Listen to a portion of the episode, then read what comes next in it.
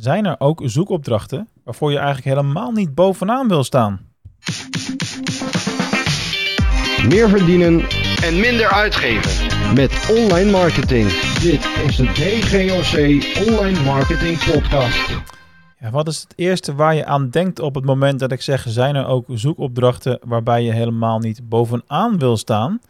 Denk je dan gelijk aan: ja, hallo, hallo, ik wil met alles natuurlijk bovenaan staan. Dat is logisch toch? Meer verkeer is meer omzet.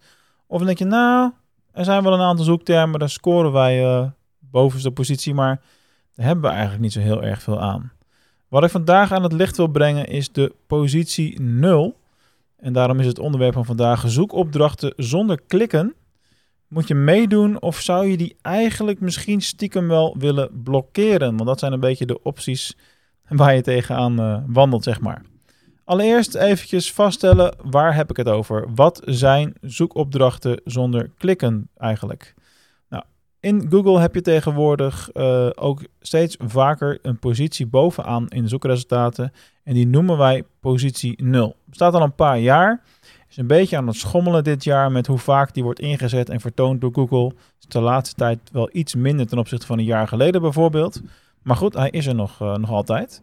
Eh, en dat zijn posities waarbij je een soort samenvatting krijgt bovenaan in de zoekpagina. Met daarbij al gelijk een heleboel informatie over, een, eh, over de, de zoekopdracht. En dan, en dan kan dat zijn dat het een stukje tekst is met een, met een link of zonder een link, met een plaatje gelijk erbij. Maar wat het ding is met dit soort zoekopdrachten, is dat je ehm, het antwoord op de vraag vaak al in de omschrijving ziet staan. En dit is een beetje waar de crux zit. Ehm, zo heb ik een voorbeeld in een van de blogs die ik heb gepubliceerd over eh, het bakken van een ei. Of een koken van een ei, zoiets zal het gewe- geweest zijn. Eh, dat je bijvoorbeeld zoekt op kooktijd van een ei. En dan vertelt Google jou keurig wat de kooktijd van een ei is. Alleen dan als je moet je goed doorlezen en kijken. En dan zie je dat er achter die link een link zit naar eh, Max vandaag. Die hebben daar een een artikeltje over geschreven, blijkbaar.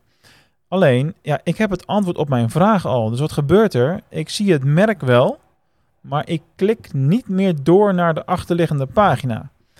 En dat is nou juist hetgene wat dit een interessant vraagstuk maakt. Want ja, wil jij dan wel helemaal bovenaan staan? Of eh, wil je misschien liever positie 2 zijn, waarbij je een wat grotere kans hebt op een klik, als dat al zo is? Wat is er eigenlijk aan het eh, gebeuren? Wil jij hier optimaliseren voor positie 0? Nou, het hoe kun je optimaliseren voor positie 0? Eh, daar kan ik vrij kort over zijn. Dat werkt via rich snippets. Dat zijn stukjes code waarmee je extra informatie aan, aan Google geeft, die die kan vertalen in allerlei vormen van, van zoekresultaten. Dus dat zijn dingen die je vooral aan de technische SEO-kant moet, eh, moet doen.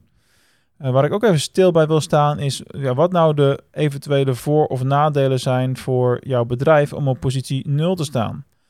Eh, nou meedoen of blokkeren. Blokkeren wordt natuurlijk moeilijk in de praktijk, dus dat is niet heel erg realistisch qua eh, optie.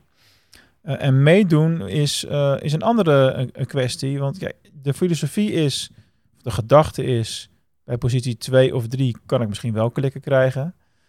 Alleen, ja, als het antwoord al wordt getoond op de vraag van de zoeker op positie 0, helemaal bovenaan, dan maakt het dus eigenlijk niet uit waar je staat. Want op al die posities vinden gewoon überhaupt minder klikken plaats.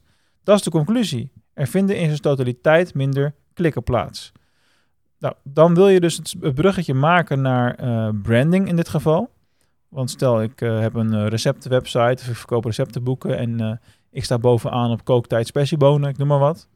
Dan heb ik wel dat mijn merknaam in beeld kan zijn bij die positie 0. Dus dat er wel een soort van herkenning begint te ontstaan bij de consument die eh, daarnaar heeft gezocht. Nou, als dat vaker gebeurt, hè, kan het uiteindelijk ook daadwerkelijk iets, eh, iets opleveren natuurlijk. Dus het optimaliseren voor positie 0 heeft mogelijk voordelen voor branding, ook al levert het niet per se heel veel klikken op. Eh, dus ja, moet je daar wel of niet in meegaan?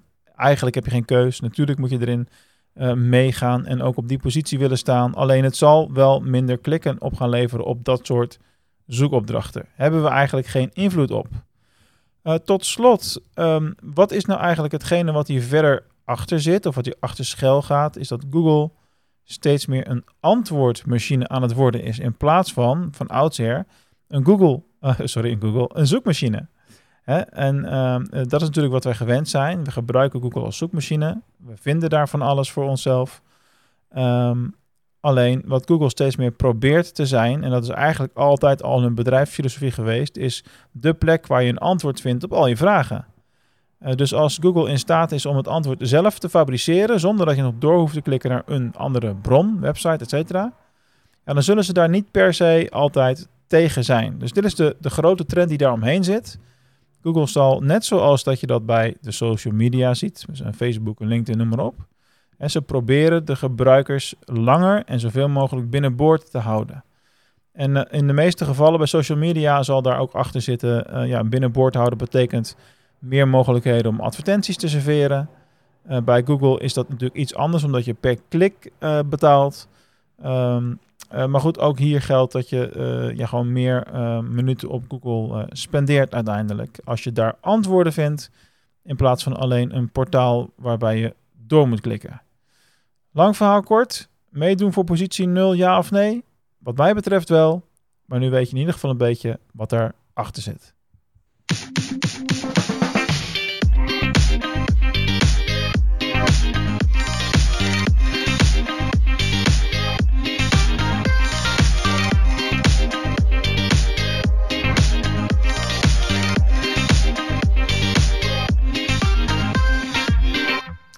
En laat jouw website ook iets door ons analyseren om te kijken wat voor jou de meest optimale posities zijn in Google. Of vooral waar er nog kansen liggen en waar er rek in zit. Om uiteindelijk uh, het beter te doen dan dat je nu doet. Want je luistert natuurlijk niet voor niks naar deze podcast. Je zoekt content om uh, uiteindelijk meer uit jouw bedrijf te halen. Hè? Dat is waar het op neerkomt. Uh, plan daarvoor eens een strategische call in met mij. En dat doe je via dgoc.nl slash call. Ik hoor graag van je en anders tot de volgende keer.